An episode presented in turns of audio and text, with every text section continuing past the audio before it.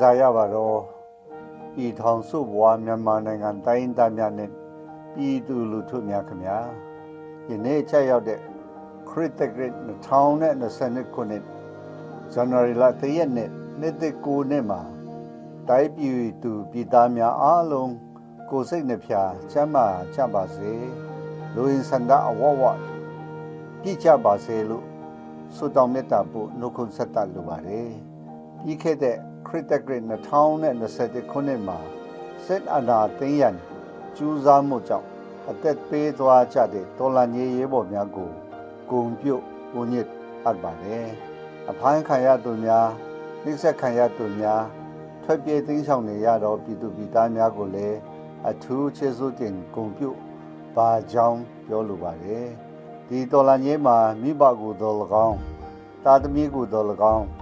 ညီကိုမောင်နှမဆွေမျိုးရင်းချမိတ်ဆွေအပေါင်းအသင်းများကိုဆွလွတ်ဆုံဆုံလိုက်ကြရတဲ့မိဘပြည်သူများကိုလည်းအထူးအပဲနှစ်သိမ့်လိုပါတယ်ချစ်ခင်လေးစားရပါတော့အများပြည်သူများခင်ဗျာအားလုံးသိကြပြီးဖြစ်တဲ့အတိုင်းမြန်မာနိုင်ငံဟာစစ်အာဏာရှင်တွေရဲ့နှစ်ပေါင်း60ကျော်ညံပြင်းစွာစီမံခန့်ခွဲအုပ်ချုပ်မှုကြောင့်တချိန်ကအရှိတောင်ရှာရဲ့အချမ်းသာဆုံးနိုင်ငံတနိုင်ငံကနေ ဒီခုဆိုရင်ဖွံ့ဖြိုးမှုအနည်းဆုံးနဲ့အစင်းရဲဆုံးတိုင်းပြည်တစ်ပြည်ဖြစ်နေပါတယ်။ဒါကြောင့်ဒီခုဆိုရင်သမင်းတနတ်မှန်အောင်ရုန်းကန်နေကြတဲ့မိသားစုတွေခေါမုံမလုံးတဲ့တဲဥပြက်မှာခိုက်ခိုက်တုံအောင်ချမ်းနေတဲ့ကလေးတွေအိမ်ပြစ်ရာပြက်ဥစ္စာတွေပြစ်ပြီးတော့အသက်လူပြင်းနေတဲ့သက်ကြီးရွယ်အိုတွေတိုင်းပြည်မှာတန်းနဲ့ချီပြီးတော့ရှိနေပါပြီ။ ဒီခုဆိုချမ်းဖက်သမာမင်းအောင်လည်းခေါင်းဆောင်တဲ့စစ်ကောင်စီဟာအဆိုးဝါးဆုံးရုံမာမှုတွေနဲ့မြို့ပေါ်ကပြည်သူပိုင်ဆောက်အဦတွေမှာနေရာယူပြီးငင်းချမ်းစွာတားလာသွားလာလှုပ်ရှားနေကြတဲ့ပြည်သူတွေကိုဖမ်းဆီးတပ်ဖြတ်အနောက်ရှက်ပေးနေပါတယ်။ရွာတွေကိုဝင်ပြေးမီးရှို့တယ်။အိမ်တွေကိုဖျက်ဆီးပြီးခိုးယူတယ်။ပြစ်မဲ့ရက်သားတွေကို ဖမ်းဆီးပြီးအရှင်လက်လက်မီးရှို့တတ်ကြတယ်။ဒါကြောင့်ဒီလူလူထုဟာစစ်အာဏာရှင်ပြုတ်ကျရေးနဲ့ဒီမိုကရေစီပြန်လည်အသက်သွင်းနိုင်ရေးအတွက်တိုက်ပွဲဝင်နေကြရတာဖြစ်ပါလေ။စစ်ကောင်စီကအဆွမ်းဆုံးရက်ဆက်ကြမ်းကြုတ်နေတဲ့ကြားကပြည်သူလူထုအားလုံးဟာကြမ်းကြမ်းခံပြီးပြန်လေဒေါ်လာနေကြတာတွေ့ရပါလေ။ စစ်ကောင်စီရဲ့အုပ်ချုပ်ရေးရန်တရားလေပတ်မှုရပ်တန့်သွားနိုင်ဖို့အစိုးရဝန်ထမ်းများ CDM လှုပ်ရှားမှုမှာတက်တက်ကြွကြွပါဝင်နေကြသလိုပြည်သူများကလည်းစစ်ကောင်စီရဲ့စီးပွားရေးလုပ်ငန်းတွေကိုတပိတ်မောက်စန္ဒပြပြီးတော့စစ်အာဏာရှင်ကိုအခွန်ဆောင်ဖို့ငင်းဆန်နေကြတာဟာပြည်သူလူထုရဲ့ပြင်းပြတဲ့တော်လှန်ရေးစိတ်ဓာတ်ပဲဖြစ်ပါလေ။တပြိုင်ဒီမှာ စစ်ကောင်စီဟာလူထုရဲ့ပန်တာငွေနဲ့တည်ထောင်ထားတဲ့နိုင်ငံတော်သတင်းမီဒီယာများနဲ့အလူကြီးမီဒီယာသမားများကိုအသုံးချတာမဟုတ်မမှန်သတင်းတွေဖြန့်ချီပြီးတော့ပြည်သူလူထုကိုလင်လေလက်ဖျားဖို့ကြိုးစားနေတာကိုလည်းသိရှိရမှာဖြစ်ပါတယ်။ဒါကြောင့်ပြည်သူလူထုဟာမိမိတို့အသက်အိုးအိမ်နဲ့စီးစိမ်တွေကိုကာကွယ်နိုင်ဖို့ စစ်ကောင်စီကိုရရလက်နက်နဲ့အပြင်းထန်ပြန်လေတိုက်ခိုက်နေကြပြီဖြစ်ပါတယ်။ဒါကြောင့်ခုဆိုရင်စစ်ကောင်စီတွေဟာမိမိတို့စစ်တမ်းလျားတွေနဲ့ရက်ွက်တွေထဲမှာလွတ်လွတ်လပ်လပ်မနေရတော့ပဲ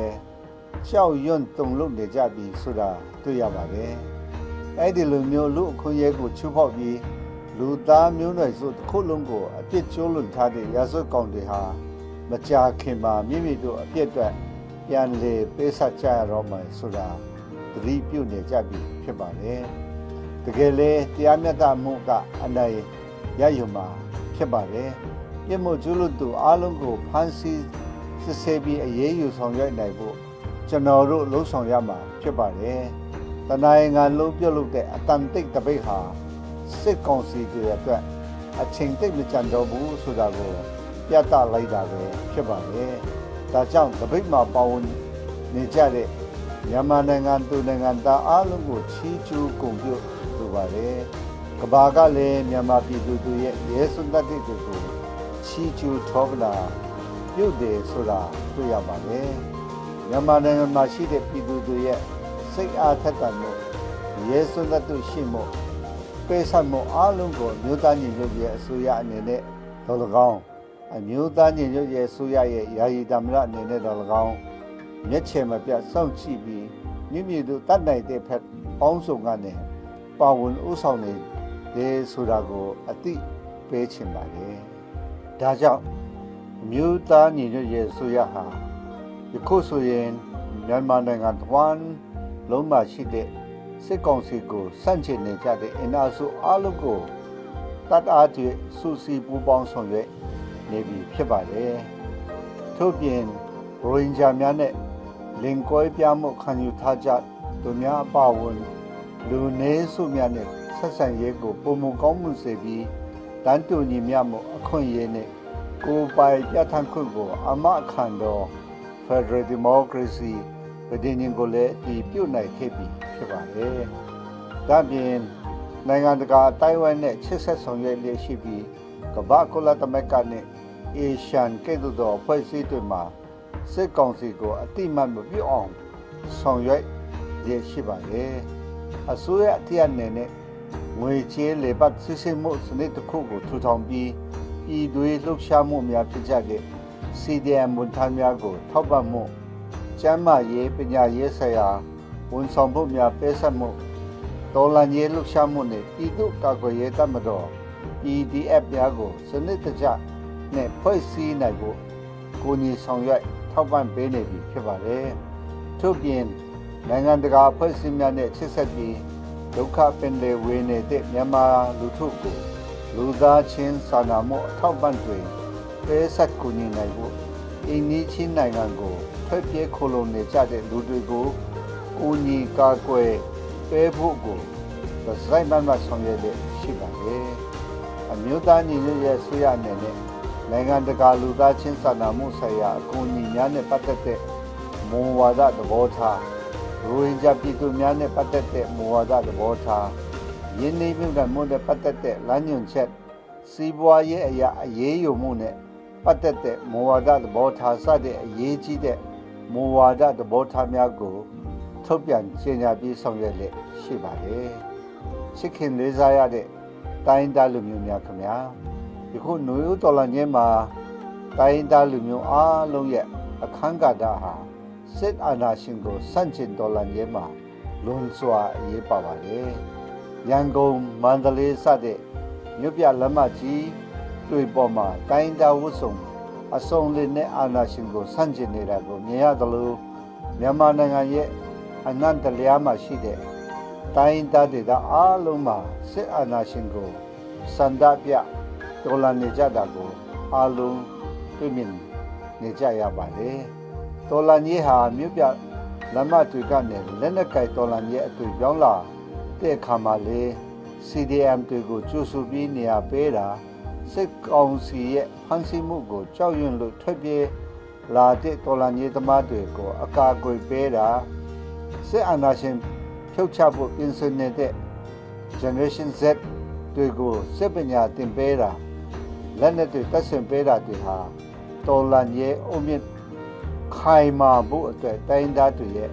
ပေးဆက်ပါဝင်မှုတွေပဲဖြစ်ပါတယ်။မြို့သားညီညွတ်ရေးဆိုရဟာအမျိုးသားညီညွတ်ရေးတိုင်ပင်ခံကောင်စီ NUCC ရဲ့မူဝါဒများနဲ့အညီတန်းတူညီမျှမှုလွတ်လပ်မှုကိုပိုင်ပြဋ္ဌာန်းခွင့်ရရှိရေးနဲ့တရားဥပဒေစိုးမိုးရေးတို့ကိုအာမခံတော့လူတို့ဟိုပြု Federal Democracy နဲ့ထူထောင်ရေးအတွက်နိုင်ငံရေးလုပ်ငန်းများကိုချမှတ်ဆောင်ရွက်ရရှိပါတယ်။အမျိုးသားညီညွတ်ရေးတိုက်တွန်းခံကောင်စီ NUCC ဟာဆိုရင်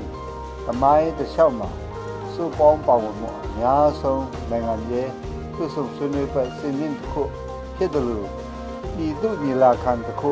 ကျင်းပဖို့လေပြင်ဆင်နေပြီဖြစ်ပါတယ်။တိုင်းဒါလည်းနဲ့ကင်များအပါအဝင် နိုင်ငံတော်ရှိအကျိုးသက်ဆိုင်တဲ့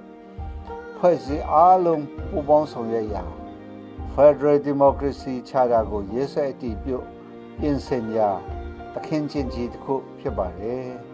။ဒီ Federal Democracy ပြည်နယ်မှာပါဝင်တဲ့ Federal Democracy ပြည်ထောင်စုဒီဆောက်ရေးဆိုင်ရာအခြေခံမူများကိုအခြေခံပြီးဖွဲ့စည်းပုံအခြေခံဥပဒေတည်တည်ရရေးဆွဲရေးနဲ့ Federal Democracy ပြည်ထောင်စုတည်ဆောက်ရေးနဲ့ပတ်သက်ပြီးဒိုင်းပြည်ရဲ့အရေးကြီးတဲ့အများစုတွေများမှာသဘောတူညီချက်များလည်းရရှိထားပြီးဖြစ်ပါတယ်။လေးစားရတဲ့နိုင်ငံတော်မှာရှိတဲ့ Generation Z နဲ့လူငယ်များခင်ဗျာလူငယ်တွေဟာလွတ်လပ်မှုအတွက်တိုက်ပွဲဝင်တဲ့လှုပ်ရှားမှုထက်မြက်တဲ့အင်အားစုများဖြစ်ကြသလိုမြန်မာနိုင်ငံရဲ့အနာဂတ်လည်းဖြစ်ကြပါတယ် လူငယ်တွေရဲ့တော်လှန်ရေးမှာဦးဆောင်ပါဝင်မှုတီထွေစံတစ်မှုစိတ်အားထက်သန်မှုနဲ့ပေးဆက်စွန့်စားစွန့်လွတ်မှုတို့ကိုချီးကျူးဂုဏ်ပြုလိုပါတယ်တရားမျှတမှုလွတ်လပ်မှုနဲ့တန်တူညီမှတို့ကိုရရှိနိုင်ဖို့စိတ်ပိုင်းဖြတ်ထားပြီးမြန်မာနိုင်ငံရဲ့သမိုင်းတစ်မျက်နှာစာတစ်ကိုရေးထိုးနိုင်ဖို့ကြိုးစားအထောက်နေကြ မှုအပေါ်လွန်စွာချီးကျူးလေးစားမိပါတယ်။လူဦးတော်လန်ကြီးဟာမျိုးဆက်တစ် generation set လူငယ်တွေဥဆောင်အစပြုတ်ခဲ့တဲ့တော်လန်ကြီးဖြစ်တာမို့လူငယ်တွေကိုတိုက်ကပဲအဆုံးထိတိုက်ပွဲဝင်သွားရမှာဖြစ်တယ်လို့အနာဂတ်ပြည်ထောင်စုမြန်မာနိုင်ငံကိုတည်ငြိမ်အေးချမ်းအောင်ဦးဆောင်ဦးရွက်ကြရမှာတာဝန်ယူမဲ့ခေါင်းဆောင်များဖြစ်တယ်ဆိုတာကိုမမိတ်မတုံ ယုံကြည်ပါတယ်။ရေစားရတဲ့တိုင်းပြည်ကိုချစ်တဲ့ပြည်သူတမတော်များခင်ဗျာတိုင်းပြည်ကိုချစ်တဲ့စိတ်နိုင်ငံတော်ကိုကာကွယ်လူစိတ်နဲ့တမတော်သေးကိုဝင်ရောက်လာကြတဲ့တမတော်သားများဟာကျွန်တော်တို့ပြည်သူတွေရဲ့သားသမီးညီကိုမောင်နှမတွေဖြစ်ကြပါတယ်။ဒါပေမဲ့လည်းအာနာယမက်လောဘသားအချို့ကြောင့်အခုဆိုရင်တမတော်ဟာပြည်သူတိကဘာတိ အကျန်းဖက်ဖွဲ့စည်းဖြစ်နေပါပြီ။ဒါကြောင့်အကျန်းဖက်ဘူထုတ်ကြီးများရဲ့လက်ကနေတိုင်းပြည်ကိုကဲတင်ဖို့ကာကွယ်ဖို့အချိန်ရောက်လာလို့နေပါပြီ။ဒါကြောင့်ပြည်သူတမတော်သားတွေရဲ့အနေနဲ့ CDM ဝင်ကြပါအမျိုးသားညီညွတ်ရေးဆိုရဥဆောင်တဲ့ပြည်သူရင်ခွေတို့ခုလုံကြပါအပြစ်မဲ့ပြည်သူတွေကိုတတ်ဖြတ်ဖို့အမိန်ပေးတဲ့အခါရင်းဆန်ကြပါအပြစ်မဲ့ပြည်သူတွေကို ဒုက္ခပဲပဲစစ်ရေးတွေကိုငင်းဆန်ကြပါတကယ်လို့ငင်းဆန်လို့မရတဲ့အချိန်တွေမှာစစ်ထွက်ရရင်လေပြည်သူတွေကိုအတတ်နိုင်ဆုံးကောင်းကောင်းကူညီပေးကြပါပြည်သူကာကွယ်ရေးတပ်မတော်ပြည်သူအက်တွေတိုင်းဒါလက်နဲ့ကြိုက်တွေနဲ့ထိတ်ကြိုက်မတွေ့နိုင်အောင်ဆောင်ရှားကြပါလို့တိုက်တွန်းလိုပါလေလေးစားရတဲ့နိုင်ငံတကာအတိုင်းဝိုင်းကမစ်ဆွေများခင်ဗျာ ဒီထောင်စုသမရမြန်မာနိုင်ငံတော်မြို့သားညီညွတ်ရေးအစိုးရကူစားအားလုံးကိုပြောရွှေဆရာနှစ်သက်ကိုဖြစ်ပါစေ။ကျမ်းမာချမ်းသာပြီးတော့ငြိမ်းချမ်းသာရာလုံခြုံတဲ့နှစ်သက်ကိုရရှိနိုင်ကြပါစေလို့ဆုမွန်တောင်းမေတ္တာပို့အပ်ပါတယ်။အားလုံးရှားသိမြင်တွေ့ကြတဲ့အတိုင်းမြန်မာစစ်တပ်ဟာဖေဖော်ဝါရီလ၁ရက်နေ့အာဏာသိမ်းဖို့ကြိုးစားနေတဲ့အချိန်ကနေ ယခုအချိန်ထိပြည်သူတွေကိုအပြင်းထန်ရက်စက်ချမ်းချုပ်စွာတပ်ဖြတ်နေပါတယ်။မြို့ပြလမ်းမတွေမှာငင်းချမ်းစွာဆန္ဒပြတဲ့ပြည်သူတွေကိုရရဆက်ဆက်ပြစ်တက်တယ်။အင်းတွေကိုအတင်းအဓမ္မဝင်ရောက်ပြီးတွေ့ကြရဖန်ဆီးတယ်။ရွာတွေကိုမြေလောင်တိုက်သွေးတယ်။ရွာသားတွေကိုအစိုးလိုက်ပြုံလိုက်တတ်တယ်။ဒီဇင်ဘာလအတွင်းစကိုင်းတိုင်းဒုံတော်ရွာမှာကလေး6ယောက်နဲ့လူကြီး9ယောက်အပါအဝင် စုစုပေါင်း7ဦးကိုကျိုးနဲ့တုပ်ပြီးအရှင်လက်လက်မြီးရှုတပ်ဖြတ်ကနွန်ဘာလအတွင်းမှာလည်းချင်းပြည်နယ်မှာမွေးကင်းစကလေးမိခင်ရောက်ကိုသူတို့ယောက်ျားတွေရှေ့မှာပဲတနတ်နဲ့ချိန်ပြီးမဒင်းချစ်တာကရင်နီပြည်နယ်ကခရစ်စမတ်ညဆိုလိုက်ပြုံးလိုက်လူတန်မှုတွေဟာစစ်အာဏာရှင်ဟာဘယ်လောက်ထိရက်စက်ချမ်းကျုပ်တလဲဆိုတဲ့တက်တဲ့တာတကားတွေ ပဲဖြစ်ပါတယ်။ဒါကြောင့်မြို့သားညီညွတ်ရေးဆိုရဟာရက်စက်တဲ့အာဏာရှင်စစ်ဗလူတွေရဲ့လက်ထက်ကနေပြည်သူတွေကိုကာကွယ်ဖို့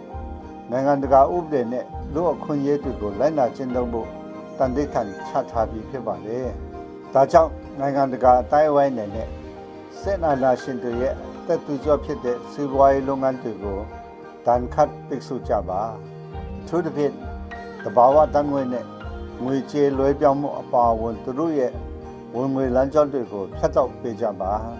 အမျိုးသားညီညွတ်ရေးအစိုးရကိုအတိမတ်ပြုထောက်ခံပြီးပူးပေါင်းဆောင်ရွက်ပေးပါကမ္ဘာတုကုလသမဂ္ဂနဲ့အေရှန်ကဲ့သို့သောဒေသတွေနဲ့နိုင်ငံတကာအဖွဲ့အစည်းတွေမှာစစ်ကောင်စီကိုတရားတရားဝင်မှုမရှိအောင်ငင်းပယ်ကြပါဤသို့လူထုကိုတပ်ဖြတ်ဖို့စစ်ကောင်စီတွေလက်နက်ဝယ်ယူတဲ့လမ်းကြောင်း နဲ့ဝင်ငွေလမ်းကြောင်းတွေကိုဖျက်တောက်ပစ်ကြပါတစ်ချိန်တည်းမှာပဲစစ်အာဏာရှင်တွေကြောင့်ဦးပစ်အင်ပစ်ထွက်ပြေးနေကြရတဲ့စစ်ဘေးရှောင်တွေကိုကာကွယ်ပေးကြပါလူသားချင်းစာနာထောက်ထားမှုအကူအညီပေးကြပါ COVID-19 ရောဂါကခုခံကာကွယ်ရေးလုပ်ငန်းတွေ NUG အစိုးရနဲ့ပူးပေါင်းဆောင်ရွက်ပေးပါစစ်အာဏာသိမ်းမှုကြောင့်ရှားဆင်းလာတဲ့စီးပွားရေးကြောင့်အလုံးလက်မဲ့ဖြစ်ပြီး ငတ်မွတ်လာတဲ့လူထုကိုအကူအညီပေးကြပါ CSO တွေကိုထောက်ပံ့ပြီးလူတွေကိုတိုက်ရိုက်ကူညီပေးနိုင်ဖို့နေဆက်ဖြတ်ကျော်ကူညီပေးတဲ့စနစ်ကိုထောက်ပံ့ပေးကြပါလို့အလေးနဲ့တောင်းဆိုချင်ပါတယ်ကျွန်ုပ်တို့မြို့သားညီညွတ်ရေးဆိုရဟာဆိုရင်တရားဥပဒေစိုးမိုးပြီးလွတ်လပ်တဲ့ဈေးကွက်စီးပွားရေးစနစ်ကိုကျင့်သုံးတဲ့နိုင်ငံအားလုံးပါဝင်နိုင်တဲ့ Federal Democracy နိုင်ငံ နိုင်ငံတကာအတိုင်းအဝိုင်းနဲ့တော်၎င်းအင်းကြီးချင်းနိုင်ငံများနဲ့တော်၎င်းနိုင်ငံရေးအရာစီးပွားရေးအရာယင်းဤချစ်ချေမှုကိုတည်ဆောက်နိုင်သောနိုင်ငံတစ်ခုတည်ဆောက်ဖို့တန်တိတ်တန်ပြုထားပါတယ်။ဒါကြောင့်ဒီထောင်စုမြန်မာနိုင်ငံရှိတိုင်းသားလူမျိုးများနဲ့မိတ်ဆွေနိုင်ငံတကာအတိုင်းဝိုင်းများအနေဖြင့်စစ်အာဏာရှင်ပြုတ်ကျရဲနဲ့သာယာဝပြောပြီးငြိမ်းချမ်းတဲ့လူအတိုင်းဝိုင်းတစ်ခုဖန်တီးနိုင်အောင်အတူတကွ ကြိုးစားလှုပ်ဆောင်ကြပါစို့စစ်ကောင်စီဟာအဆုံးထိရုံမှပြီးရက်ဆက်ကြမ်းကြုတ်နေပေမဲ့ပြည်သူလူထုရဲ့အမှန်တရားကိုညှဉ်းနှိုးမှုတရားမျှတမှုကိုဆာလောင်မှုလွတ်လပ်မှုကိုရယူလို့တဲ့ခံယူချက်များကိုစစ်ကောင်စီအနေနဲ့အနိုင်မြူနိုင်ဘူးဆိုတာတွေ့ရပါတယ်စစ်ကောင်စီဟာ94တန်းရှိတဲ့လူထုကိုချုပ်နှောင်ပိတ်လောင်ထားဖို့မဖြစ်နိုင်ပါဘူး စစ်ကောင်စီဟာရက်ဆက်စံချုပ်မှုတာရှိပါတယ်တရားဝင်မှုလုံးဝမရှိပါဘူးဒါကြောင့်မြို့သားညီညွတ်ရေးဆိုရဟာပြည်သူလူထုကိုကာကွယ်ဖို့ခုခံကာကွယ်စစ်ကိုတိုင်းဒါလက်နဲ့ကင်များပြည်သူကာကွယ်ရေးတပ်မတော်နဲ့ပူးပေါင်းဆောင်ရွက်နေပြီဖြစ်ပါတယ်ပြည်သူကာကွယ်ရေးတပ်များလိုက်နာဆောင်ရွက်ရမယ်စစ်ပက်ဆိုင်ရာကျင့်ဝတ်စည်းကမ်းများကိုထုတ်ပြန်ပြီး လိုက်နာဆောင်ရွက်ဖို့ကိုလည်းကြက်မှတ်ဆောင်ရွက်လို့ရှိပါတယ်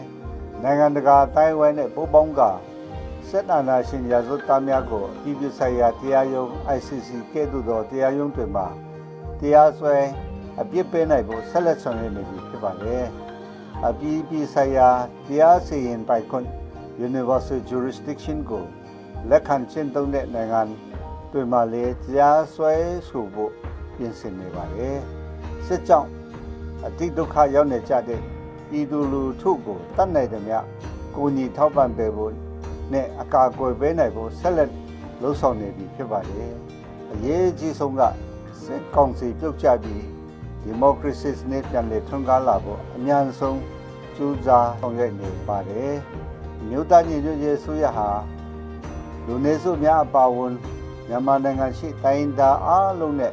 ပူးပေါင်းက အားလုံးပါဝင်ခွင့်ရသောငင်းချမ်းသောတာယာဝပြောသောလူထုအခြေပြုဒီမိုကရေစီစနစ်ကိုထူထောင်ဖို့တန်တိချန်ချထားသလိုကျူးစားဆောင်ရွက်နေပြီဖြစ်ကြောင်းပြောကြရင်ကျွန်ုပ်၏နေ့တစ်ကိုမင်းကုန်းကိုဒီကုန်းချုပ်လိုပါလေအားလုံးနေ့တစ်မှာစစ်ဘေးဒဏ်တဘာဝဘေးဒဏ်များမှကင်းလွတ်ပြီးငင်းချမ်းမှုပျော်ရွှင်မှုများကိုခံစားနိုင်ကြပါစေ ငင်းချမ်းပြီးကာယဝပြောတဲ့စနစ်တရားမျှတတဲ့နိုင်ငံရေးစနစ်ကိုနေ့တစ်နဲ့အတူခံစားရရှိနိုင်ကြပါစေလို့ဆုမွန်ကောင်းတောင်းအပ်ပါတယ်မြန်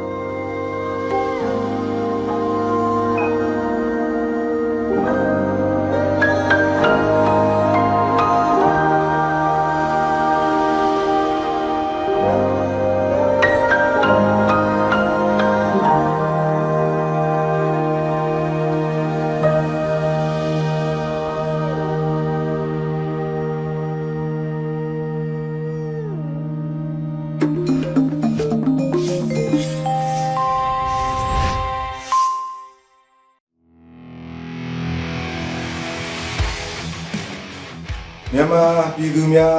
တိုင်းသားညီကူမောင်နှမများအားလုံးအချမ်းဖက်စစ်တပ်ရဲ့အန္တရာယ်သွေသောမှအမြန်ဆုံးလွတ်မြောက်နိုင်ကြဖို့လက်နက်အုံမိုးပြီးအုပ်ချုပ်တဲ့စနစ်ဆိုးကြီးမှအပြည့်တိုင်လွတ်မြောက်ဖို့မတရားမှုမှန်သမျှအမိမှန်များပြီးမှအပြည့်တိုင်ချုပ်ငြိမ်းသွားဖို့ဒီမိုကရေစီရေးငြိမ်းချမ်းရေးနဲ့ဒန်းလူရေးလို့အတွက်ယနေ့အချိန်ထိခေတ်ဆက်ဆက်အသက်ပေးသွားရတဲ့သေကောင်းတို့ရဲ့အိမ်မက်တွေလက်တွေဖြစ်လာဖို့ ဆက်လက်အတူတူကအားထုတ်ရင်းနှစ်သက်ကိုအတူတူကကြိုးစိုးလိုက်ကြပါစို့ဒေါ်လာရေးပြီးမြောက်အောင်မြင်ပြီး Federal Democracy နိုင်ငံတော်ကြီးတည်ဆောက်ပြီးသည့်အထိအတူတူကနီလန်မျိုးစုံနဲ့ဗတ်ပေါင်းစုံမှပြည်သူများအားလုံးပါဝင်ပြီးဆက်လက်တိုက်ပွဲဝင်ကြဖို့လဲတိုက်တွန်းအားပေးကြပါတယ်အားလုံးပြန်ယူတွန်းကြမယ်ဆိုရင်ပြည်သူတွေအထိကိနစ်နာမှုအ ਨੇ ဆုံးနဲ့ပြည်သူအောင်ပွဲအမြန်ဆုံးရမှာဖြစ်ပါတယ် ပြည်တွင်းပြည်ပရှိပြည်သူအားလုံးရဲ့အင်အားနဲ့သာကျွန်တော်တို့ရဲ့ရေတော်ပုံအမြန်ဆုံးအောင်မြင်အောင်ဆောင်ရွက်ရမှာဖြစ်ပါတယ်လာမယ့်နှစ်သစ်မှာတော်လှန်ရေးအမြန်ဆုံးအောင်ပွဲခံနိုင်ပြီးစိတ်သစ်လူသစ်ခွန်အားသစ်တွေနဲ့ Federal ပြည်တော်စုမြန်မာနိုင်ငံတော်တစ်ကိုအတူတူကအုပ်ပြင့်ချနိုင်တည်ဆောက်နိုင်မှုတွေတန်ဋိဌာန်ပြုကြပါစို့လို့တိုက်တွန်းပြောကြားရင်းနှိကုံချုပ်အပ်ပါတယ်အရေးတော်ကိုအောင်နေပြီ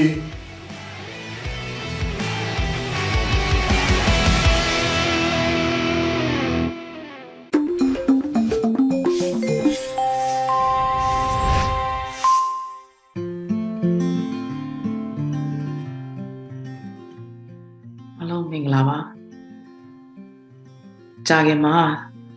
2021ခုနှစ်ဟာအကုန်ဆုံးတော့မှာဖြစ်ပါတယ်။ကုန်လွန်ခဲ့တဲ့ဒီနှစ်သက်ခရစ်ဟာကျမတို့နိုင်ငံအတွက်တော့အမတန်မှခက်ခဲကြမ်းတမ်းခဲ့တဲ့နှစ်တစ်နှစ်လည်းဖြစ်ပါတယ်။ကျမတို့တိုင်းသားပေါင်းစုံလူမျိုးပေါင်းစုံဘာသာပေါင်းစုံပြည်သူတွေဟာလူသားရဲ့ဂုဏ်သိက္ခာလွတ်လပ်မှုတွေကိုလူယူခံလိုက်ရရုံသာမကအကြမ်းဖက်စစ်တပ်ရဲ့လူသားမျိုးနွယ်စုပေါ်ကျူးလွန်တဲ့ရာဇဝတ်မှုတွေအောက်မှာခက်ခဲကြမ်းတမ်းဆုံးကာလကိုဖြတ်သန်းနေကြရတာဖြစ်ပါတယ်။ မကြခင်ကြာရောက်တော့မယ်နှစ်သိကိုကြိုးဆိုရင်းနဲ့ကျမတို့ဟာလူခွင့်ရင်းနဲ့လူသားဂုံတိတ်ခါအတွက်ဆင်နွှဲနေရတဲ့တော်လန်ကြီးရဲ့ရှိတ်အဟုန်ကိုလည်းဆက်လက်ထိန်းသိမ်းထားရအောင်မှာဖြစ်ပါတယ်။ခုအချိန်ထိကြံ့ကြံ့ခံရက်တည်လာခဲ့တဲ့နောက်မှာတော့ကျမတို့ပြည်သူလူထုတွေဟာလာမယ့်နှစ်သစ်မှာအောင်ပွဲနဲ့သာထိုက်တန်နေဆိုတာယုံမှားတန်တရားဖြစ်စရာမရှိတော့ပါဘူး။ကျမတို့တိုင်းသားလူမျိုးပေါင်းစုံပြည်သူတွေရဲ့အိမ်မက်တွေအတွက်လွတ်လပ်မှုနဲ့တရားမျှတမှုအတွက် နှစ်သက်မှာအာသစ်အင်သစ်တွေနဲ့ဆက်လက်တန်မာနေဖို့ညီညွတ်နေဖို့လိုအပ်ပါတယ်။လိုအပ်တဲ့အတိုင်းလည်းပဲကျမတို့တွေဟာအတွင်းပြင်အားလုံးညီညွတ်ကြပါစေကြောင်းတူဦးချင်းတယောက်ချင်းစီတိုင်းဟာလည်းကြမ်းကြမ်းမာမာနဲ့စိတ်ခွန်အားပြည့်ဝစွာနဲ့နှစ်သက်ကိုကြိုးစိုးနိုင်ကြပါစေကြောင်းဆုတောင်းမြတ်တာပို့သလိုက်ရပါတယ်။ကျေးဇူးအများကြီးတင်ပါတယ်။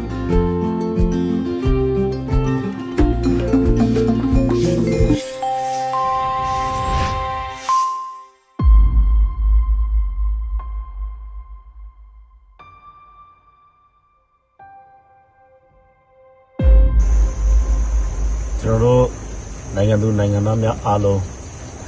မင်္ဂလာပါလို့နှုတ်ခွန်းဆက်ပါတယ်။အဲဒီနေ့ဟာ2021ခုနှစ်ရဲ့နောက်ဆုံးနေ့ရက်ဖြစ်ပါတယ်။ကျွန်တော်တို့အားလုံးဟာ2021ခုဆိုတဲ့ဒီတက်ရက်တစ်ခုကိုနာကြီးစရာတွေကြေကွဲစရာတွေပူလောင်မှုတွေနဲ့ကျွန်တော်တို့နှုတ်ဆက်ကြရတော့မှာဖြစ်ပါတယ်။ဒါပေမဲ့ဆရာနာသိမ့်မှုဖြစ်ပေါ်ပြီးတဲ့နောက်ပိုင်းမှာ ကျွန်တော်တို့အားလုံးအာနာရှင်ရဲ့ဖိနှိပ်မှုတွေအကြမ်းဖက်မှုတွေကိုခါစီပြီးအတူတူခံခဲ့ကြရသလိုပဲတပြိုင်နက်တည်းမှာပဲတက်တရှိတဲ့ကျွန်တော်တို့ပြည်သူလူထုဟာကျွန်တော်တို့နိုင်ငံရဲ့လွတ်လပ်ပြီးတော့တန်းတူညီမျှတဲ့နိုင်ငံတစ်ခုဖြစ်ဖို့အတွက်ဖြစ်ပေါ်လာတဲ့ပြဿနာတွေကိုတိုင်းသားပြည်သူတွေအားလုံးညီညီညွတ်ညွတ်နဲ့ဖြည့်ရှင်းမှရတော့မယ်ဆိုတဲ့တန်တိတ်ခံတဲ့တော်လှန်ရေးကိုလည်းပဲကြပြိုင်နှစ်ထဲ စတင်နေတဲ့နှစ်လို့ကျွန်တော်တို့ပြောပြရပါတယ်။ဘာကြောင့်ကျွန်တော်တို့ဒီလိုပြောရလဲဆိုလို့ရှိရင်အဲကျွန်တော်တို့နိုင်ငံရဲ့သမိုင်းတစ်လျှောက်လုံးမှာအခုဆိုလို့ရှိရင်ကျွန်တော်တို့ကနိုင်ငံရေးမှာလည်းပဲဒီတိုင်းသားတနက်ကိုင်တော်လှန်ရေးအဖွဲ့တွေနောက်ပြီးတော့တပိတ်ကော်မတီတွေ CDM တွေပြီးတော့နိုင်ငံရေးပါတီတွေဒီနည်းမျိုးရှိကြတာမျိုးဟာ ရခင်ကာလတွေတုန်းကထက်မတူတဲ့ထူးခြားမှုတစ်ခုဖြစ်ပါတယ်ဒီတစ်ခေါက်ကျွန်တော်တို့အားလုံးရဲ့ညီညွတ်မှုဟာတမိုင်းမှာနိုင်ငံအစ်တစ်ခုကိုထီထောင်နိုင်တဲ့ညီညွတ်မှုတစ်ခုကိုတော့ခိုင်ခိုင်မာမာတည်ဆောက်လိုက်နိုင်ပြီလို့ကျွန်တော်တို့ပြောလို့ရပါတယ်2021ဟာစီးရေးဘက်မှာလည်းပဲတတိကျွန်တော်တို့ပုံကဲမှုတစ်ခုတည်းနဲ့တောင်းနိုင်ဖို့အတွက်လည်းအားလုံးပြင်ဆင်ဆောင်ရွက်ထားပြီးပါတယ်ထို့တူတူပဲနိုင်ငံလုံးမှာရှိနေတဲ့ ဒီတပိတ်ကော်မတီတွေကိုလည်းစုစည်းပြီးတော့လူလူလှုပ်ရှားမှုတွေနဲ့အချိန်မြင့်တင်ဆောင်ရွက်ဖို့လည်းကျွန်တော်တို့ပြင်ဆင်နေကြပါပြီထို့တူတူပဲပြည်သူလူထုကလည်းဒီနေ့ဒီအချိန်ထိကိုတွေးအေးမသွားပဲနဲ့ပြည်သူတွေပါဝင်သစ်ပါဝင်ထိုက်တဲ့ပါဝင်သစ်တဲ့ပုံသဏ္ဍာန်မျိုးနဲ့ပါဝင်ခဲ့တာဟာလည်းဒါကဘာကြီးရလည်းတည်ပြီးဖြစ်ပါတယ်။အဲကြောင့်မို့လို့ကျွန်တော်လာမယ့်2022ခုနှစ်ဟာကျွန်တော်တို့ရဲ့ညီညွတ်မှုတွေ ကျွန်တော်တို့ရဲ့တပေါင်းဆောင်ကနေပြီးတော်လန်လေးကိုအရှိန်နှစ်ပါဝင်မှုတွေနဲ့အတူတူလွတ်လပ်တဲ့ဒန်းတူညီများမှုရှိတဲ့လူမျိုးကြီးဝါဒကင်းစင်တဲ့နိုင်ငံအသစ်တစ်ခုကိုခိုင်ခိုင်မာမာအတိအကျတည်ဆောက်နိုင်တော့မယ်လို့ကျွန်တော်ဒီနေရာနေပြီးတော့ယုံကြည်ပြောချင်ပါတယ်ကျွန်တော်နိုင်ငံမှာရှိနေတဲ့နိုင်ငံသားအားလုံးကလည်းပဲဒီ2022ခုနှစ်အတွင်းမှာပေါ်ပေါက်လာမဲ့ အချိန်ဟုန်မြင့်တဲ့နောက်ဆုံးပွဲသိမ်းတော်လှန်ရေးအဆင့်ဆင့်ဟာမကြပြီးပေါ်ပေါက်လာတော့မှာဖြစ်ပါတယ်။အဲဒီတော်လှန်ရေးအရှင်အဟုန်တော်လှန်ရေးအဆင့်ဆင့်လုပ်ငန်းစဉ်တိုင်းမှာလည်းပဲနိုင်ငံသားတဦးချင်းစီကတာဝန်ရှိတယ်ဆိုတော့ဒီတန်တိတ်ထန်တဲ့ခိုင်ခိုင်မာမာဆက်လက်ပူးပေါင်းပါဝင်ကြဖို့လည်းကျွန်တော်တို့တိုက်တွန်းပါတယ်။တော်လှန်ရေးတရက်လုပ်တယ်ဆိုတာကဒီသူတွေရဲ့ပူးပေါင်းပါဝင်မှုနဲ့သာလျှင် အောင်မြင်အောင်ကျွန်တော်တို့ဆောင်ရွက်နိုင်မှာဖြစ်ပါတယ်ကျွန်တော်တို့မျိုးသားညီညွတ်ရေးအစိုးရအဖွဲ့နောက်ပြီးတော့မျိုးသားညီညွတ်ရေးအတိုင်းအမြံကောင်စီအဖွဲ့ဒီအနေနဲ့လည်းပဲတော်လိုင်းရေးဥဆောင်မှုကိုဟိုပြပြတသားခိုင်ခိုင်မာမာရုံကြည်ကြည်နဲ့ဆက်လက်ဆောင်ရွက်ကြဖို့တန်တိတ်ထန်နေရှိနေပါပြီလုပ်ငန်းစဉ်ကြီးခိုင်ခိုင်မာမာရှိနေပြီဖြစ်ပါတယ်ဒါကြောင့်မို့လို့ခိုင်မာတဲ့တန်တိတ်ထန်နေနဲ့ဟောဒီ2020ခုနှစ်မှာတော်လိုင်းရေးကို အပိသက်အောင်ပွဲဖြစ်အောင်အပိသက်တိုက်ပွဲကိုကျွန်တော်တို့အတူတူဆင်နွှဲကြရအောင်လို့တန်တိတ်ထံပြင်းနေလည်းပဲနှစ်သက်ဆုတောင်းစကားကိုကျွန်တော်ဒီနေရာမှာအဆုံးသတ်ပါတယ်အားလုံးကျမ်းမှချမ်းသာကြပါစေပူဆွေးမှုတွေတောကတွေဆုံးရှုံးမှုတွေဟာ2020နဲ့တခုနှစ်မှာကျန်ခဲ့ပါစေ2022ခုနှစ်ဟာမြန်မာနိုင်ငံရဲ့တန်းတူညီများတဲ့ဖရပြောင်စုနိုင်ငံတည်ထောင်ရေးအတွက်မိုင်းဝင်ခဲ့တဲ့နှစ်တစ်ခုအဖြစ် အောင်ပွဲရတဲ့နှစ်တစ်ခုအဖြစ်ကြံနေခဲ့ရပါလိမ့်မယ်။အားလုံးကျေးဇူးတင်ပါတယ်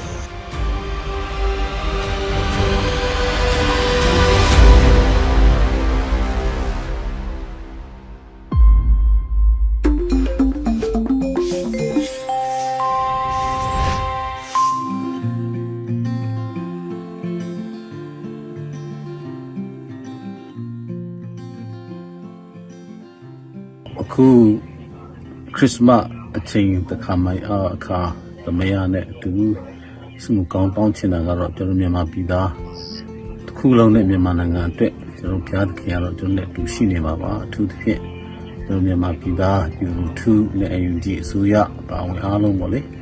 အဲ့တော့ကျွန်တော်တို့အတူအများအားစောင့်မနေမှာပါပေါ့လေ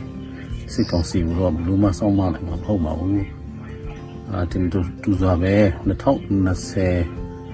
နှစ်ခုနှစ်မနော်အဲ့လာမဲ့နှစ်တင်မှာလဲကျွန်တော်စတောင်းချင်တာကတော့ကျွန်တော်ပြည်သူလူထုများနဲ့အတူကျွန်တော် ANG ဖွဲ့ဝင်ပြည်ပြည်နဲ့ဖွဲ့ဝင်အားလုံးကိုထမ်းများအားလုံးဟိုအတွက်ကျွန်တော်ပြည်သူထုနဲ့တိုက်ပွဲဝင်တဲ့အချိန်မှာစစ်စစ်လုံးလုံးနဲ့အာဒီညာနဲ့တောင်းချကျွန်တော်တိုက်ပွဲဝင်ပြီးတော့အောင်ရင်သွားမယ်လို့လည်းယုံကြည်ပါတယ်ကျွန်တော်တို့လည်းတူလေးနဲ့ပြင်မင်္ဂလာလည်းစောင့်ကြည့်နေမှာပါအဲ့ဒီအတွက်လည်းကျွန်တော်အဓိကကတော့စီလုံး ချင်းရဲ့ကျွန်တော်တို့အင်အားအပြည့်အဝနဲ့အာမန်နဲ့ကျွန်တော်တည်ငြိမ်လက်ညီလုံးသွားနိုင်ဖို့တိုက်ပွဲဝင်သွားဖို့ကိုကျွန်တော်လည်းအာဆုံးမတောင်းပါတယ်ကျွန်တော်တို့အနာကရေးမှာပိုင်ဝင်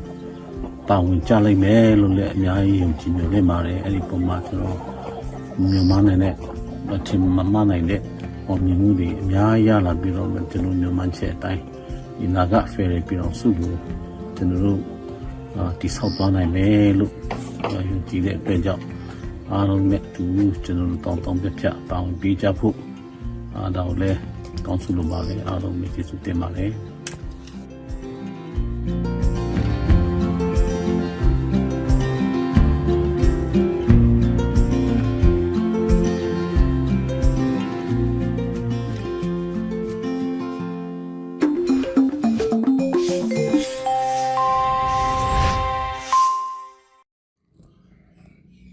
ကာကွယ်ရေးတပ်မတော်သားများနဲ့ပြည်သူများခင်ဗျာမကြာခင်ဆက်ရောက်တော့မဲ့2022နှစ်သက်မှာအားလုံးကိုယ်စိတ်ကျမ်းမာချမ်းသာပါစေကြောင်းမေတ္တာပို့သအပ်ပါတယ်အခုချိန်ဟာကျွန်တော်တို့အနေနဲ့နှစ်ဟောင်းကိုပြန်ကြည့်ပြီးနှစ်သက်ကိုမျှော်မြင်ကြရမယ့်အချိန်လို့ပြောချင်ပါတယ်2021ခုနှစ်ကတော့မြန်မာနိုင်ငံသမိုင်းမှာအကြီးတန်းဆုံးစစ်အာဏာသိမ်းမှုကိုကြုံခဲ့ကြရပါတယ်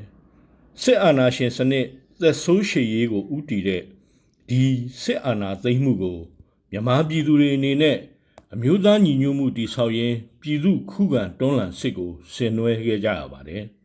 ဒီစစ်ပွဲမှာနိုင်ငံရေးနီးလူထုနီးစစ်ရေးနီးတန်ခင်းတမန်ခင်းနီးနီးလန်းစုံအသုံးပြုခဲ့ကြတာဖြစ်ပါတယ်နိုင်ငံရေးဥဆောင်မှုအရအရေးကြီးတဲ့ CRPH NUCC NUG တို့ကို ဖွဲ့စည်းနိုင်ခဲ့တယ်။စစ်ကောင်စီလုံးဝအုပ်ချုပ်ခွင့်မရစေရလို့ကြွေးကြော်ပြီးသူ့ရဲ့အရမအုပ်ချုပ်ရေးရန်ရာကို ပြည်သူအားနဲ့ဆန့်ကျင်တိုက်ဖြတ်နိုင်ခဲ့တယ်။ပြည်သူခုခံတွန်းလှန်စစ်ရဲ့အဓိကအင်အားဖြစ်တဲ့ပြည်သူကာကွယ်ရေးတပ်မတော် PDF ကိုဖွဲ့စည်းထူထောင်နိုင်ခဲ့တယ်။ PDF နဲ့လက်တွဲတိုက်ပွဲဝင်မဲ့ပြည်သူ့ကာကွယ်ရေးအဖွဲ့ပကဖများ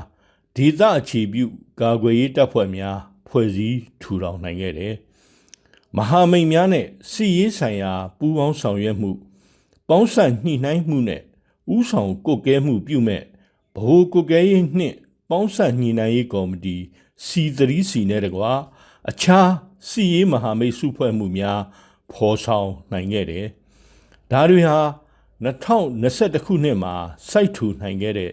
တော်လန်ရေးမှတ်တိုင်များပဲ ဖြစ်ပါတယ်။2021ခုနှစ်ဟာတော်လန်ရေးရေသောမြစ်ချတဲ့နှစ်လို့ဆိုနိုင်ပြီး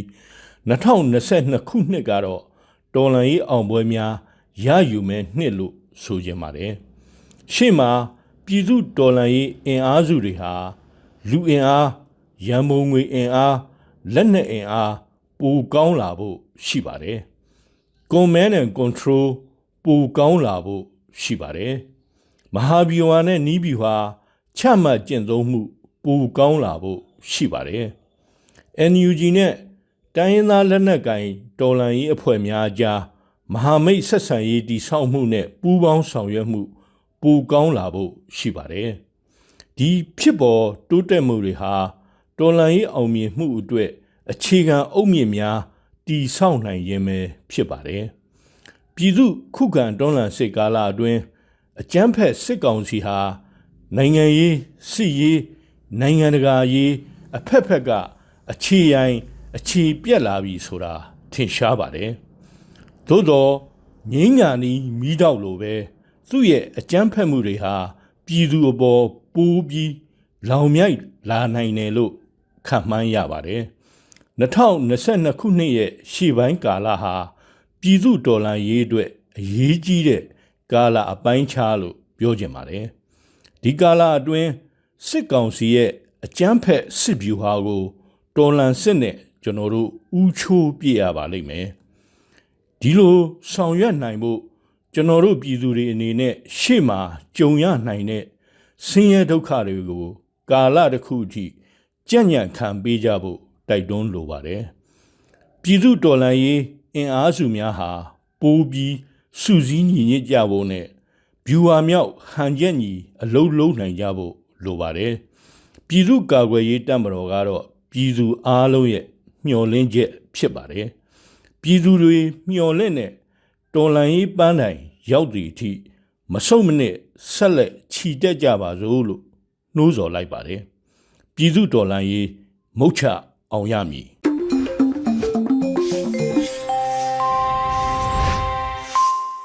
ပြည်ရင်းပြည်ပပြည်သူပေါင်းကိုနှုတ်ခွန်းဆက်တာပါတယ်ဆရာနာရှင်တို့ရဲ့မတရားနိုင်ထက်စီနင်းအာဓမ္မလုပ်ရက်ကိုဘယ်ပြည်ပနိုင်ငံအထောက်ပံ့ကိုမှမရရှိသေးပဲပြည်သူအားနဲ့ဆန့်ကျင်တော်လှန်ခဲ့ကြတာ2021ခုနှစ်ကုန်ဆုံးချိန်ရောက်ရှိလာပြီဖြစ်ပါတယ်ဒီတော်လှန်ရေးဟာခစ်ပြောင်းမဲ့တော်လှန်ရေးလူသားဆန်မှုပြတဲ့တော်လှန်ရေးဓမ္မဘက်ပြက်ပြက်သားသားရပ်ထားတဲ့တော်လှန်ရေးအနာဂတ်လူငယ်တွေဒီလိုအဖြစ်ဆိုးမျိုးထပ်မကြုံရအောင် ဆရာနာရှင်စနစ်ကိုအမြင့်ဖြတ်မဲ့တော်လှန်ရေးတိုင်းသားလက်နက်ကိုင်အဖွဲ့အစည်းအများစုနဲ့ပြည်သူများတသားတဲ့လက်တွဲညီညွတ်ကြတဲ့တော်လှန်ရေး Federal စနစ်ကိုထူထောင်နိုင်ဖို့အခွင့်အခါကောင်းအတွက်အချိန်ကိုက်ပေါ်ပေါက်လာတဲ့တော်လှန်ရေးဖြစ်တယ်2021ခုနှစ်မှာပြည်သူတွေကြုံခဲ့ကြရတဲ့အဖြစ်ဆိုးမျိုးတွေ2022မှာမကြုံကြရဖို့အဓိကဆူတောင်းပါတယ်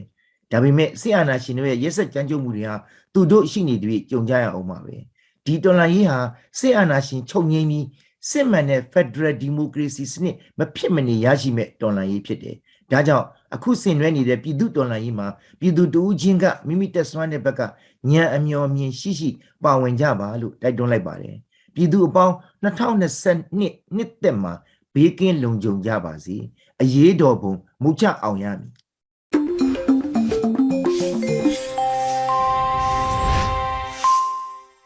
အားလုံးပဲမင်္ဂလာပါ မကြခင်2021နှစ်ဟောင်းကုန်ဆုံးပြီး2022နှစ်တစ်ကိုပြပြောင်းတော့မှာဖြစ်ပါတယ်နှစ်တစ်မှာတော်လန်စိတ်ကိုအဆုံးထိလွှတ်တင်ပြီး Federal Democratic တော်လန်ရေးအဆုံးသတ်တိုက်ပွဲဆင်နွှဲအောင်မြင်နိုင်ကြပါစေကြောင်းဆုမွန်ကောင်းတောင်းအပ်ပါတယ်အရေးတော်ပုံအောင်ရမည်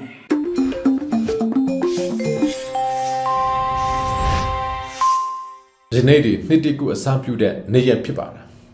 ယနေ့ဟာကဘာသူသားများအားလုံးအတွက်ငေးချတန်ရသောနေ့ရက်ဖြစ်ပါတယ်နှစ်ဟောက်ကတော့တကဘာလုံးမီရှုံမိပသားများနဲ့အတူတခါတနာစီစဉ်ကားကားနဲ့နှုတ်ဆက်ခဲ့ကြပါတယ်တို့တော်လဲမြန်မာပြည်သူလူထုအများအတွက်ကတော့ယနေ့ဒီကြောက်ရွံ့မှုအန္တရာယ်များနဲ့ဘုံပေါင်းကွဲတာဘုံကျဲတာများနဲ့တာဖြစ်ပွားစေသည့် စစ်အာဏာသိမ်းမှုရဲပေါင်း335ရဲပြည့်တဲ့နေလည်းဖြစ်ပါတယ်မြန်မာပြည်သူလူထုများအားလုံးအတွက်တနှစ်ပါလို့စစ်အာဏာရှင်များဤရဲဆက်ကြကြုံမှုဒါကိုထိလာကြောက်ရွံ့မှုများခါတီးစွာခါစားခဲ့ရပါတယ်မနေ့ကတနှစ်ပါလို့တွေစစ်ကောက်စီများယူဆောင်ပေးသောနာကျင်မှုများနဲ့စစ်ရဲ့ဒုက္ခများဖြစ်တာဆိုးသွားခဲ့တယ်ယခုနှစ်တွေစစ်ကောင်စီအတွက်ကျွန်တော်တို့ဂတိစကားကတော့ရှိရှိလေးလေးပါပဲ မိတို့ကကျွန်တော်တို့ပီတူတွေကိုဘယ်လောက်ပဲဖြစ်နေဖြစ်နေဘယ်လောက်ပဲတိုက်ခိုက်တိုက်ခိုက်ကျွန်တော်တို့ကပီတူတွေကကျွန်တော်တို့ရေးရစ်တော့ပီတူတွေကကြော်ရွယ်ချင်းအရှိုးပေးမိမဟုတ်လို့မိတို့လှုပ်တာထက်ကိုအစားပေါက်များစွာပြန်ခုခါပြီးပြန်တိုက်ခိုက်ပြီးအနိုင်ယူတွားမယ်ဆိုတာပါပဲ2021ခုနှစ်ဒီနာကျင်မှုနဲ့ဆရဒုက္ခပေါက်များစွာကိုအားလုံးဟာ2022ခုနှစ်တွင်အောက်ပွဲနဲ့ပျော်ရွှင်ပွဲ ဖြစ်မယ်ဆိုတာကိုစစ်ကောင်စီများကိုကျွန်တော်သတိပေးလိုပါတယ်။မနေ့ကဆွဆွမှုများအားလုံးကိုဒီနှစ်နှစ်တကူမှာအများအဖြစ်နဲ့အကူလို့ဖြစ်လာမှာဖြစ်ပါတယ်။မနေ့ကစစ်ကောင်စီကကျွန်တော်တို့မြန်မာနိုင်ငံတစ်ခုလုံးအပေါ်ပြကြအောင်ပေါ့ပြုလုပ်ခဲ့တော်လဲဒီနှစ်တွေထိုးပြန်ထက်ကနေပြီးတော့မြန်မာနိုင်ငံကြီးကို Federal Democratic Union of Myanmar အဖြစ်နဲ့ဒီဆောက်သွားမှာဖြစ်ပါတယ်အရေးတော်ပုံအောင်နေပြီအရေးတော်ပုံအောင်ရမည် Happy New Year ပါ May God bless you May God bless Myanmar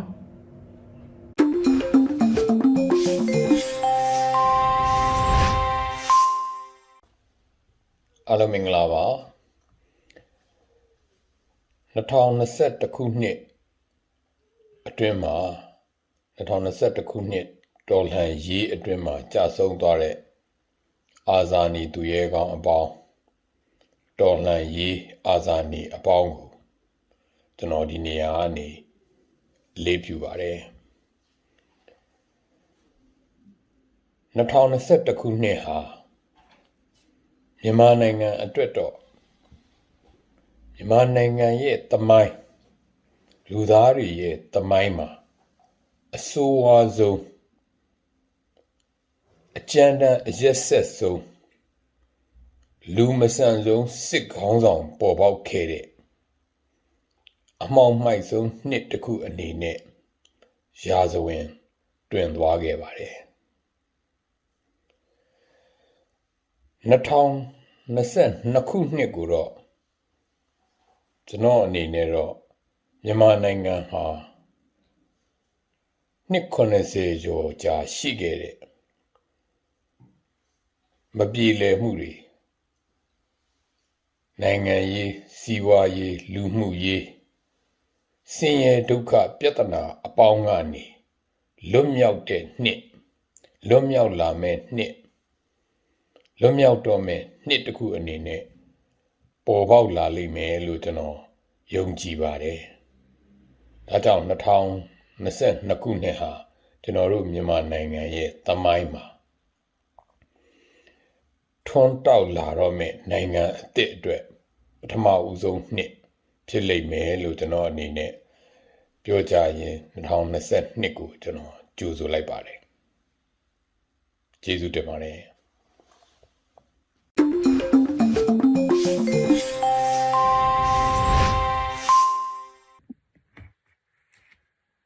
အားလုံးပဲမင်္ဂလာပါကျမတို့အားလုံးအခုဆိုရင် ခရစ်နှစ်2021ခုနှစ်ရဲ့နောက်ဆုံးနေ့ရက်ကိုရောက်နေပါပြီအရင်နှစ်တွေကဆိုလို့ရှိရင်ကျမတို့တို့ဟာမိသားစုတွေဆွေမျိုးမိတ်ဆွေတွေနဲ့နှစ်ဟောင်းကိုနှုတ်ဆက်နှစ်တစ်ကိုကြိုဆိုတဲ့အနေနဲ့စိတ်အေးလက်အေးဖြတ်တန်းခဲ့ကြပါတယ်အခုနှစ်စမှာတော့မဲစည်းရင်းကိုအကြောင်းပြုပြီးအကြမ်းဖက်စစ်ကောင်စီကအာဏာကိုအတင်းလူယူပြည်သူကိုနှိပ်စက်တပ်ဖြတ်တိုင်းရင်းသားဒေသတွေကိုအကြမ်းဖက်တိုက်ခိုက်လို့အခုဆိုနေရာဒေသအများအပြားမှာ အိုးအိမ်ဆွန့်ခွာထွက်ပြေးကြရပါပြီစစ်ဘေးရှောင်တွေဖြစ်ကြရပါတယ်ယောဂကပ်ဘေးကလည်းထတ်ချက်မကွာလိုက်လာနေလို့အပူပေါ်အပူဆင့်ဖြစ်နေကြရပါတယ်ဒါတွေအားလုံးဟာရဲ့တရခမ်းတမိုင်းတရခမ်းကတော့အကျန်းဖက်စစ်တပ်နဲ့မဲအောင်လှိုင်ပဲဖြစ်ပါတယ်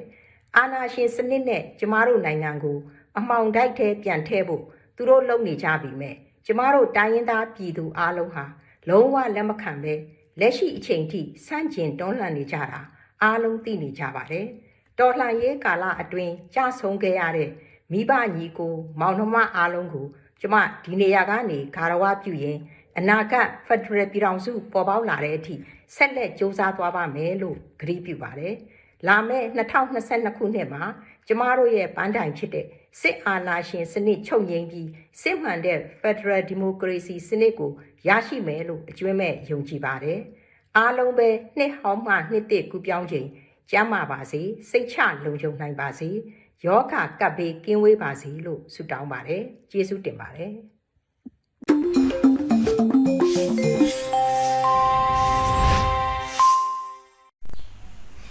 တိုင်းသားညီကိုမောင်နှမများမင်္ဂလာပါ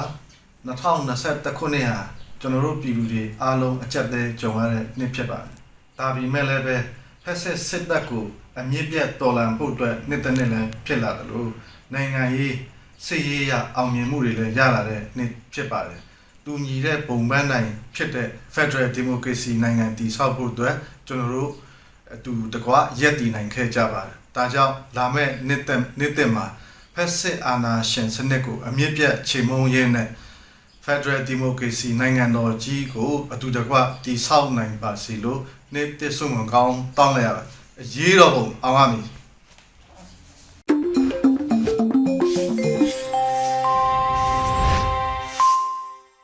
Happy New Year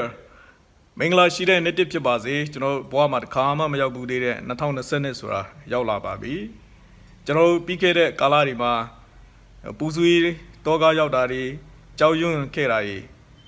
အားလုံးကိုကျွန်တော်ကြော်လွားခဲ့ပြီးပါပြီဒါ2020နှစ်မှာကျွန်တော်အားလုံးက ပျော်ရွှင်ခြင်းငြိမ်သက်ခြင်းဝမ်းမြောက်ခြင်းမြောက်ကိုတစ်ခါပြန်ပြီးတော့ရရှိခံစားမှာဖြစ်ပါတယ်အထူးသဖြင့်ကျွန်တော်တို့ကအောင်မြင်တဲ့ပန်းတိုင်ကိုအတူတကွချီတက်မဲ့နေ့ဖြစ်ပါတယ်ဒီတော့အားလုံးအတူတကွလက်တွဲညီညီနဲ့ဟောနော်အောင်မြင်မှုပန်းတိုင်စီကိုကျွန်တော်အရောက်ချီတက်ကြပါစို့တယောက်ချင်းတယောက်ချင်းစီမှာငြိမ်သက်ခြင်းဝမ်းမြောက်ခြင်းပျော်ရွှင်ခြင်းများရရှိခံစားနိုင်ကြပါစေမင်္ဂလာရှိတဲ့နေ့တစ်မှာအတူတကွပျော်ရွှင်နိုင်ကြပါစေ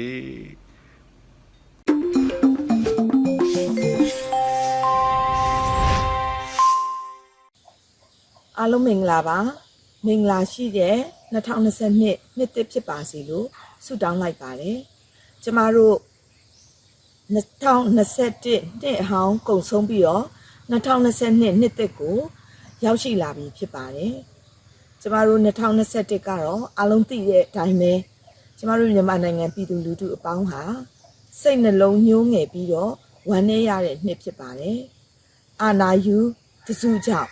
အာနာကိုထိမ့်ဖို့ကြိုးစားတဲ့လူတွေကြောင့်ကျမတို့ပြည်သူလူထုဟာဒီနှိတ်ကွမှုမှုတွေဖိနှိပ်မှုတွေမျိုးမျိုးခံစားရပြီးတော့မှမျက်ရည်တွေနဲ့ထက်ကျော်ရတဲ့နှစ်ဖြစ်ပါတယ်။2022ကတော့ကျမတို့ဟာအာနာရှင်ကိုအောင်နိုင်မဲ့နှစ်ကျမတို့လွတ်လပ်ရေးကိုတည်ဆောက်နိုင်မဲ့နှစ် Federal ပြောင်စုကြီးကိုရရှိတဲ့နှစ်ဖြစ်မယ်လို့ကျမယုံကြည်ပါတယ်။ ယုံကြည်တဲ့အတိုင်းကျမတို့အားလုံးစုပေါင်းပြီးတော့လှုပ်ဆောင်လို့ရှိရင်မကြခင်ကျမတို့လိုချင်တဲ့ရလက်ကျမတို့လိုချင်တဲ့ပန်းနိုင်ကိုဒီနှစ်သက်ကြီးမှာရရှိမယ်လို့ယုံကြည်ပါတယ်။ဆုလဲဆုတောင်းပါတယ်။အားလုံးဝိုင်းပြီးတော့ကြိုးစားကြပါလို့တိုက်တွန်းရင်းနဲ့မင်္ဂလာနှစ်သက်ပါလို့ဆုတောင်းလိုက်ပါတယ်။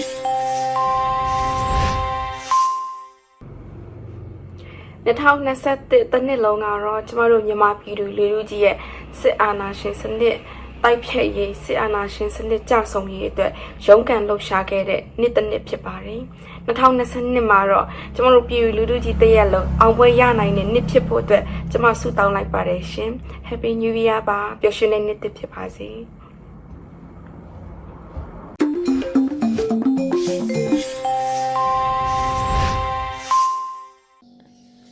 2021ခုနှစ်ကိုပြန်လည်ကြည့်မယ်ဆိုရင်တော့စိတ်မကောင်းစရာဝမ်းနည်းစရာကြေကွဲမှုတွေနဲ့ကြည့်နေတဲ့နှစ်ဟောင်းတစ်ခုဖြစ်ပါလိမ့်မယ်။မြမပြည်သူလူထုအနေနဲ့တကယ့်ကိုစိုးဝါလာတဲ့စစ်အာဏာရှင်ရဲ့ရက်စက်မှုတွေကိုခါတိစွာခံစားခဲ့ရတဲ့နှစ်လည်းဖြစ်ပါတယ်။ကြေကွဲစရာဝမ်းနည်းစရာနဲ့ပြည်ပြီးမဲ့တစ်ဖက်မှာပြန်ကြည့်မယ်ဆိုလို့ရှိရင်လည်းမြမပြည်သူလူထုရဲ့ကြံ့ကြံ့ခံနိုင်မှုလူ့ခွင့်နဲ့ဒီမိုကရေစီအတွက် တိုက်ပွဲဝင်လို့တဲ့စိတ်ဓာတ်ကျင်းပြတဲ့လုံလာတွေကိုဂုံယူအားကြစရာပြန်လည်တွေ့ရတဲ့နေ့လည်းဖြစ်ပါလိမ့်မယ်။ဒါကြောင့်မလို့လာမယ့်2022ခုနှစ်အတွင်းမှာ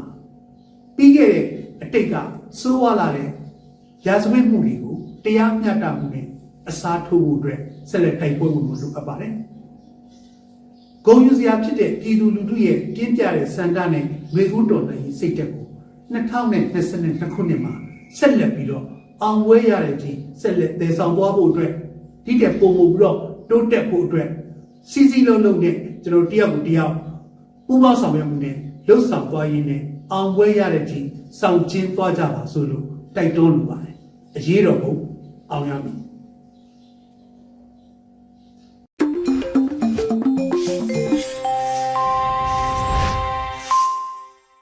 မင်္ဂလာပါခင်ဗျာဒီမိုကရေစီကိုလိုချင်ကြကုန်သောပြည်သူအပေါင်းတို့ခင်ဗျာယခုလိုကမ္ဘာနှစ်သက်ကူးချိန်မှာမင်္ဂလာအပေါင်းနဲ့ပြည့်ဝကြပါစေလို့ဆုတောင်းလိုက်ပါတယ်ဒီနေ့အဖြစ် Happy New Year ပါခင်ဗျာဒီမိုကရေစီကို ပြန်လည်လက်ဝယ်ရရှိအောင်တိုက်ပွဲဝင်ခဲ့ဒီမှာတစ်နှစ်နီးပါးရှိသွားပြီဖြစ်ပါပြီဒီမိုကရေစီရှိမှလဲလူအခွင့်အရေးဆိုတာရှိမှာပဲ ဒီမိုကရေစီလူအခွင့်အရေးဟာဒင်္ဂါတပြားရဲ့မြောက်နဲ့ပန်းပါပဲ Democracy and human rights are just like the head and tail of a coin မဟုတ်ပါလားခင်ဗျာဒါကြောင့်မလျော့သော လုံလနဲ့ဆက်လက်တိုက်ပွဲဝင်ဖို့တတိပေးနေရခြင်းပဲဖြစ်ပါတယ်ဒီလိုတိုက်ပွဲတိုက်တဲ့အခါမှာလည်းပဲမိမိကိုယ်ကိုကာကွယ်တဲ့နည်းနဲ့ဖြစ်ဒီမိုကရေစီနည်းဟူတော်၎င်းမိမိကိုယ်ကာကွယ်တဲ့လက်နက်ကိုကင်ပြီးတော့က not only by weapons but also by the environment circumstances တိုက်ပွဲဝင်နေရခြင်းပဲဖြစ်ပါတယ်ပြည်တွင်းအင်အားနဲ့ပြည်ပအင်အားရရှိပြီးသားလည်းဖြစ်နေပါပြီ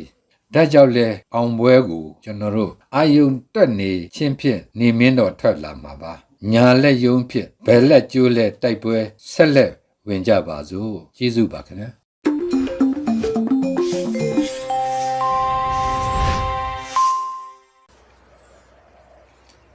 2022ခုနှစ်နှစ်သစ်မင်္ဂလာနေ့မြတ်မှာမြန်မာနိုင်ငံသားအားလုံးကိုမင်္ဂလာပါလို့နှုတ်ခွန်းဆက်သလိုက်ပါတယ်ပြီးခဲ့တဲ့2021ခုနှစ်တစ်နှစ်လုံးလို့လို့ကျွန်တော်တို့မြန်မာနိုင်ငံသားများအားလုံးဟာအချမ်းဖက်အတ္တမဝါဒီစစ်အုပ်စုရဲ့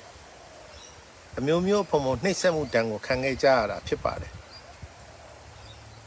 သူတို့ရဲ့ကျွန်တော်တို့ဒီမတရားအတ္တမတတ္တာဖြတ်တဲ့ ဖြတ်တာညှဉ်းပန်းနှိပ်စက်တာထောင်သွင်းကျင်းချထားတာပစ္စည်းတွေကိုဖျက်ဆီးတာစသဖြင့်မျိုးစုံပဲကျွန်တော်တို့ယင်တဲ့အမျှမြန်မာနိုင်ငံသားများအားလုံးဟာခံစားကြကြရတာဖြစ်ပါတယ်ဒါပေမဲ့လို့လည်းပဲဒီခံစားချက်တွေကိုကျွန်တော်တို့တန်တိတ်ထန်အဖြစ်နဲ့ကျွန်တော်ဆုံးဖြတ်ချက်အဖြစ်နဲ့ခိုင်မာစွာပြောင်းလဲလိုက်နိုင်လိုက်တာကတော့ကျွန်တော်တို့အတွက်အစိုးရကအကောင်းဖြစ်ပါတယ်ဒီတန်တိတ်ထန်ကတော့ ဒီလိုမျိုးဆက်အာဏာရှင်စနစ်ဟာမြန်မာနိုင်ငံမှာဒါနောက်ဆုံးဖြစ်ရမယ်နောက်မျိုးဆက်တစ်တွေဟာဒီလိုကျွန်တော်တို့ခံစား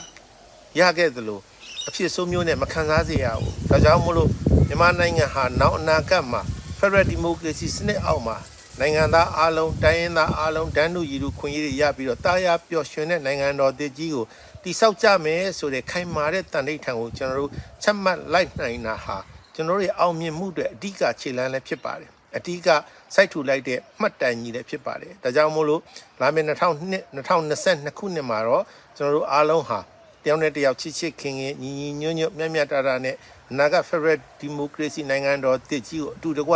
ချီတက်ကြပါစို့ရောက်လဲရောက်မဲ့အနေအထားကိုတကယ့်ကိုလက်တကမ်းမှာရောက်နေပြီဆိုတာမြင်တွေ့ရတဲ့အတွက်ကြောင့်မို့လို့ဒီအောင်မြင်မှုကြီးကိုအားလုံးပါဝင်ပြီးတော့အားလုံး စုခုရရှိနိုင်ကြပါစေလို့ဆုမွန်ကောင်းတောင်းရင်းနဲ့နှုတ်ဆက်လိုက်ပါတယ်ကျေးဇူးအများကြီးတင်ပါတယ်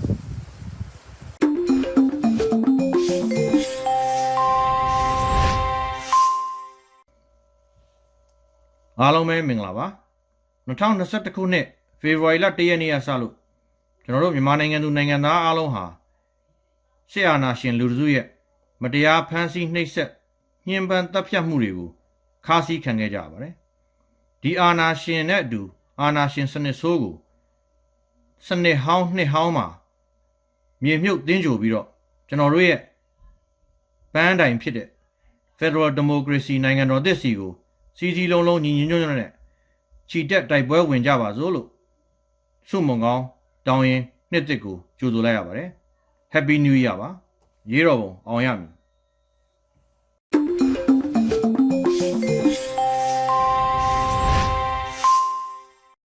တောင်စုတဝမ်းလုံးမှာရှိကြတဲ့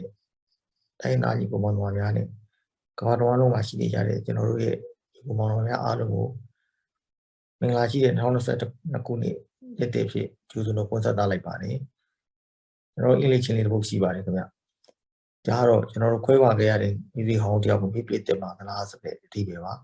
ဒီတိုင်းမှာပဲကျွန်တော်တို့က2021ခုနှစ်ကကျွန်တော်တို့အတွက်စိတ်လူရှားဝယ်တွေစိတ်မချမ်းမြေဝယ်တွေဒါ ဝမ်းနဲ့နာကျင်မှုတွေနဲ့ကြုံရတာတွေလည်းရှိပါတယ်ဒါပေမဲ့ဒီပိုင်းထဲမှာပဲအဲ့ဒီနှစ်ထဲမှာကျွန်တော်ကလွန်ခဲ့တဲ့နှစ်ပေါင်း90အတွင်းမှာမရှိခဲ့တဲ့ကျွန်တော်တို့တိုင်းသားညီကိုတွေရဲ့ချစ်ခင်လေးစားမှုတွေယုံကြည်မှုတွေလူလက်တွဲဆောင်ရွက်မှုတွေကိုတည်ဆောက်နိုင်ခဲ့တာလည်းအမှန်ပဲဖြစ်ပါတယ်အဲ့တော့ကျွန်တော်တို့ဒီနေ့လာမယ့်2022ကိုကြိုဆိုကြတဲ့အချိန်မှာကျွန်တော်တို့ဟာအတူလက်တွဲကြရင်းနဲ့ကျွန်တော်တို့နိုင်ငံကြီးရဲ့ပုံပုံကောင်းမွန်တဲ့အနာဂတ်ကိုကျွန်တော်တည်ဆောက်နိုင်မယ်လို့လည်းယုံကြည်တယ်ကျွန်တော်တို့ရဲ့သားသမီးတွေအတွက်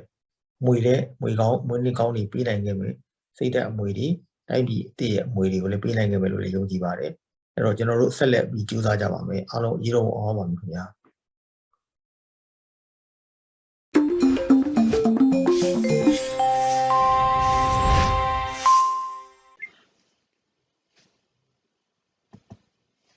အားလုံးပဲမင်္ဂလာပါ2021ခုနှစ်ဟာအကြမ်းဖက်စစ်တပ်ရဲ့အာဏာသိမ်းကြိုးပမ်းမှုတွေကြောင့် ပြည်သူတရက်လုံးစိတ်ဒုက္ခရောက်ခဲ့ရတဲ့နှစ်ဖြစ်ပါတယ်ဒီလိုနှစ်မျိုးကုံဆုံးမှုနဲ့အတူအကြမ်းဖက်စစ်ကောင်းဆောင်ဗိုလ်မင်းအောင်လှိုင်ဦးဆောင်တဲ့စစ်အုပ်စုရဲ့အနာဂတ်အဆုံးသတ်သွားတော့မယ်ဆိုတာကျမတို့ယုံကြည်ထားပါတယ်2022ခုနှစ်မှာပြည်သူအောင်ပွဲနှစ်ဖြစ်ဖို့ကျမတို့အားလုံးဝိုင်းဝန်းကြိုးပမ်းနေကြပါတယ်ခေတ်ဆက်ဆက်ပြည်သူလူထုကိုဤမျိုးစုံနဲ့တပ်ဖြတ်ညှင်းဆဲ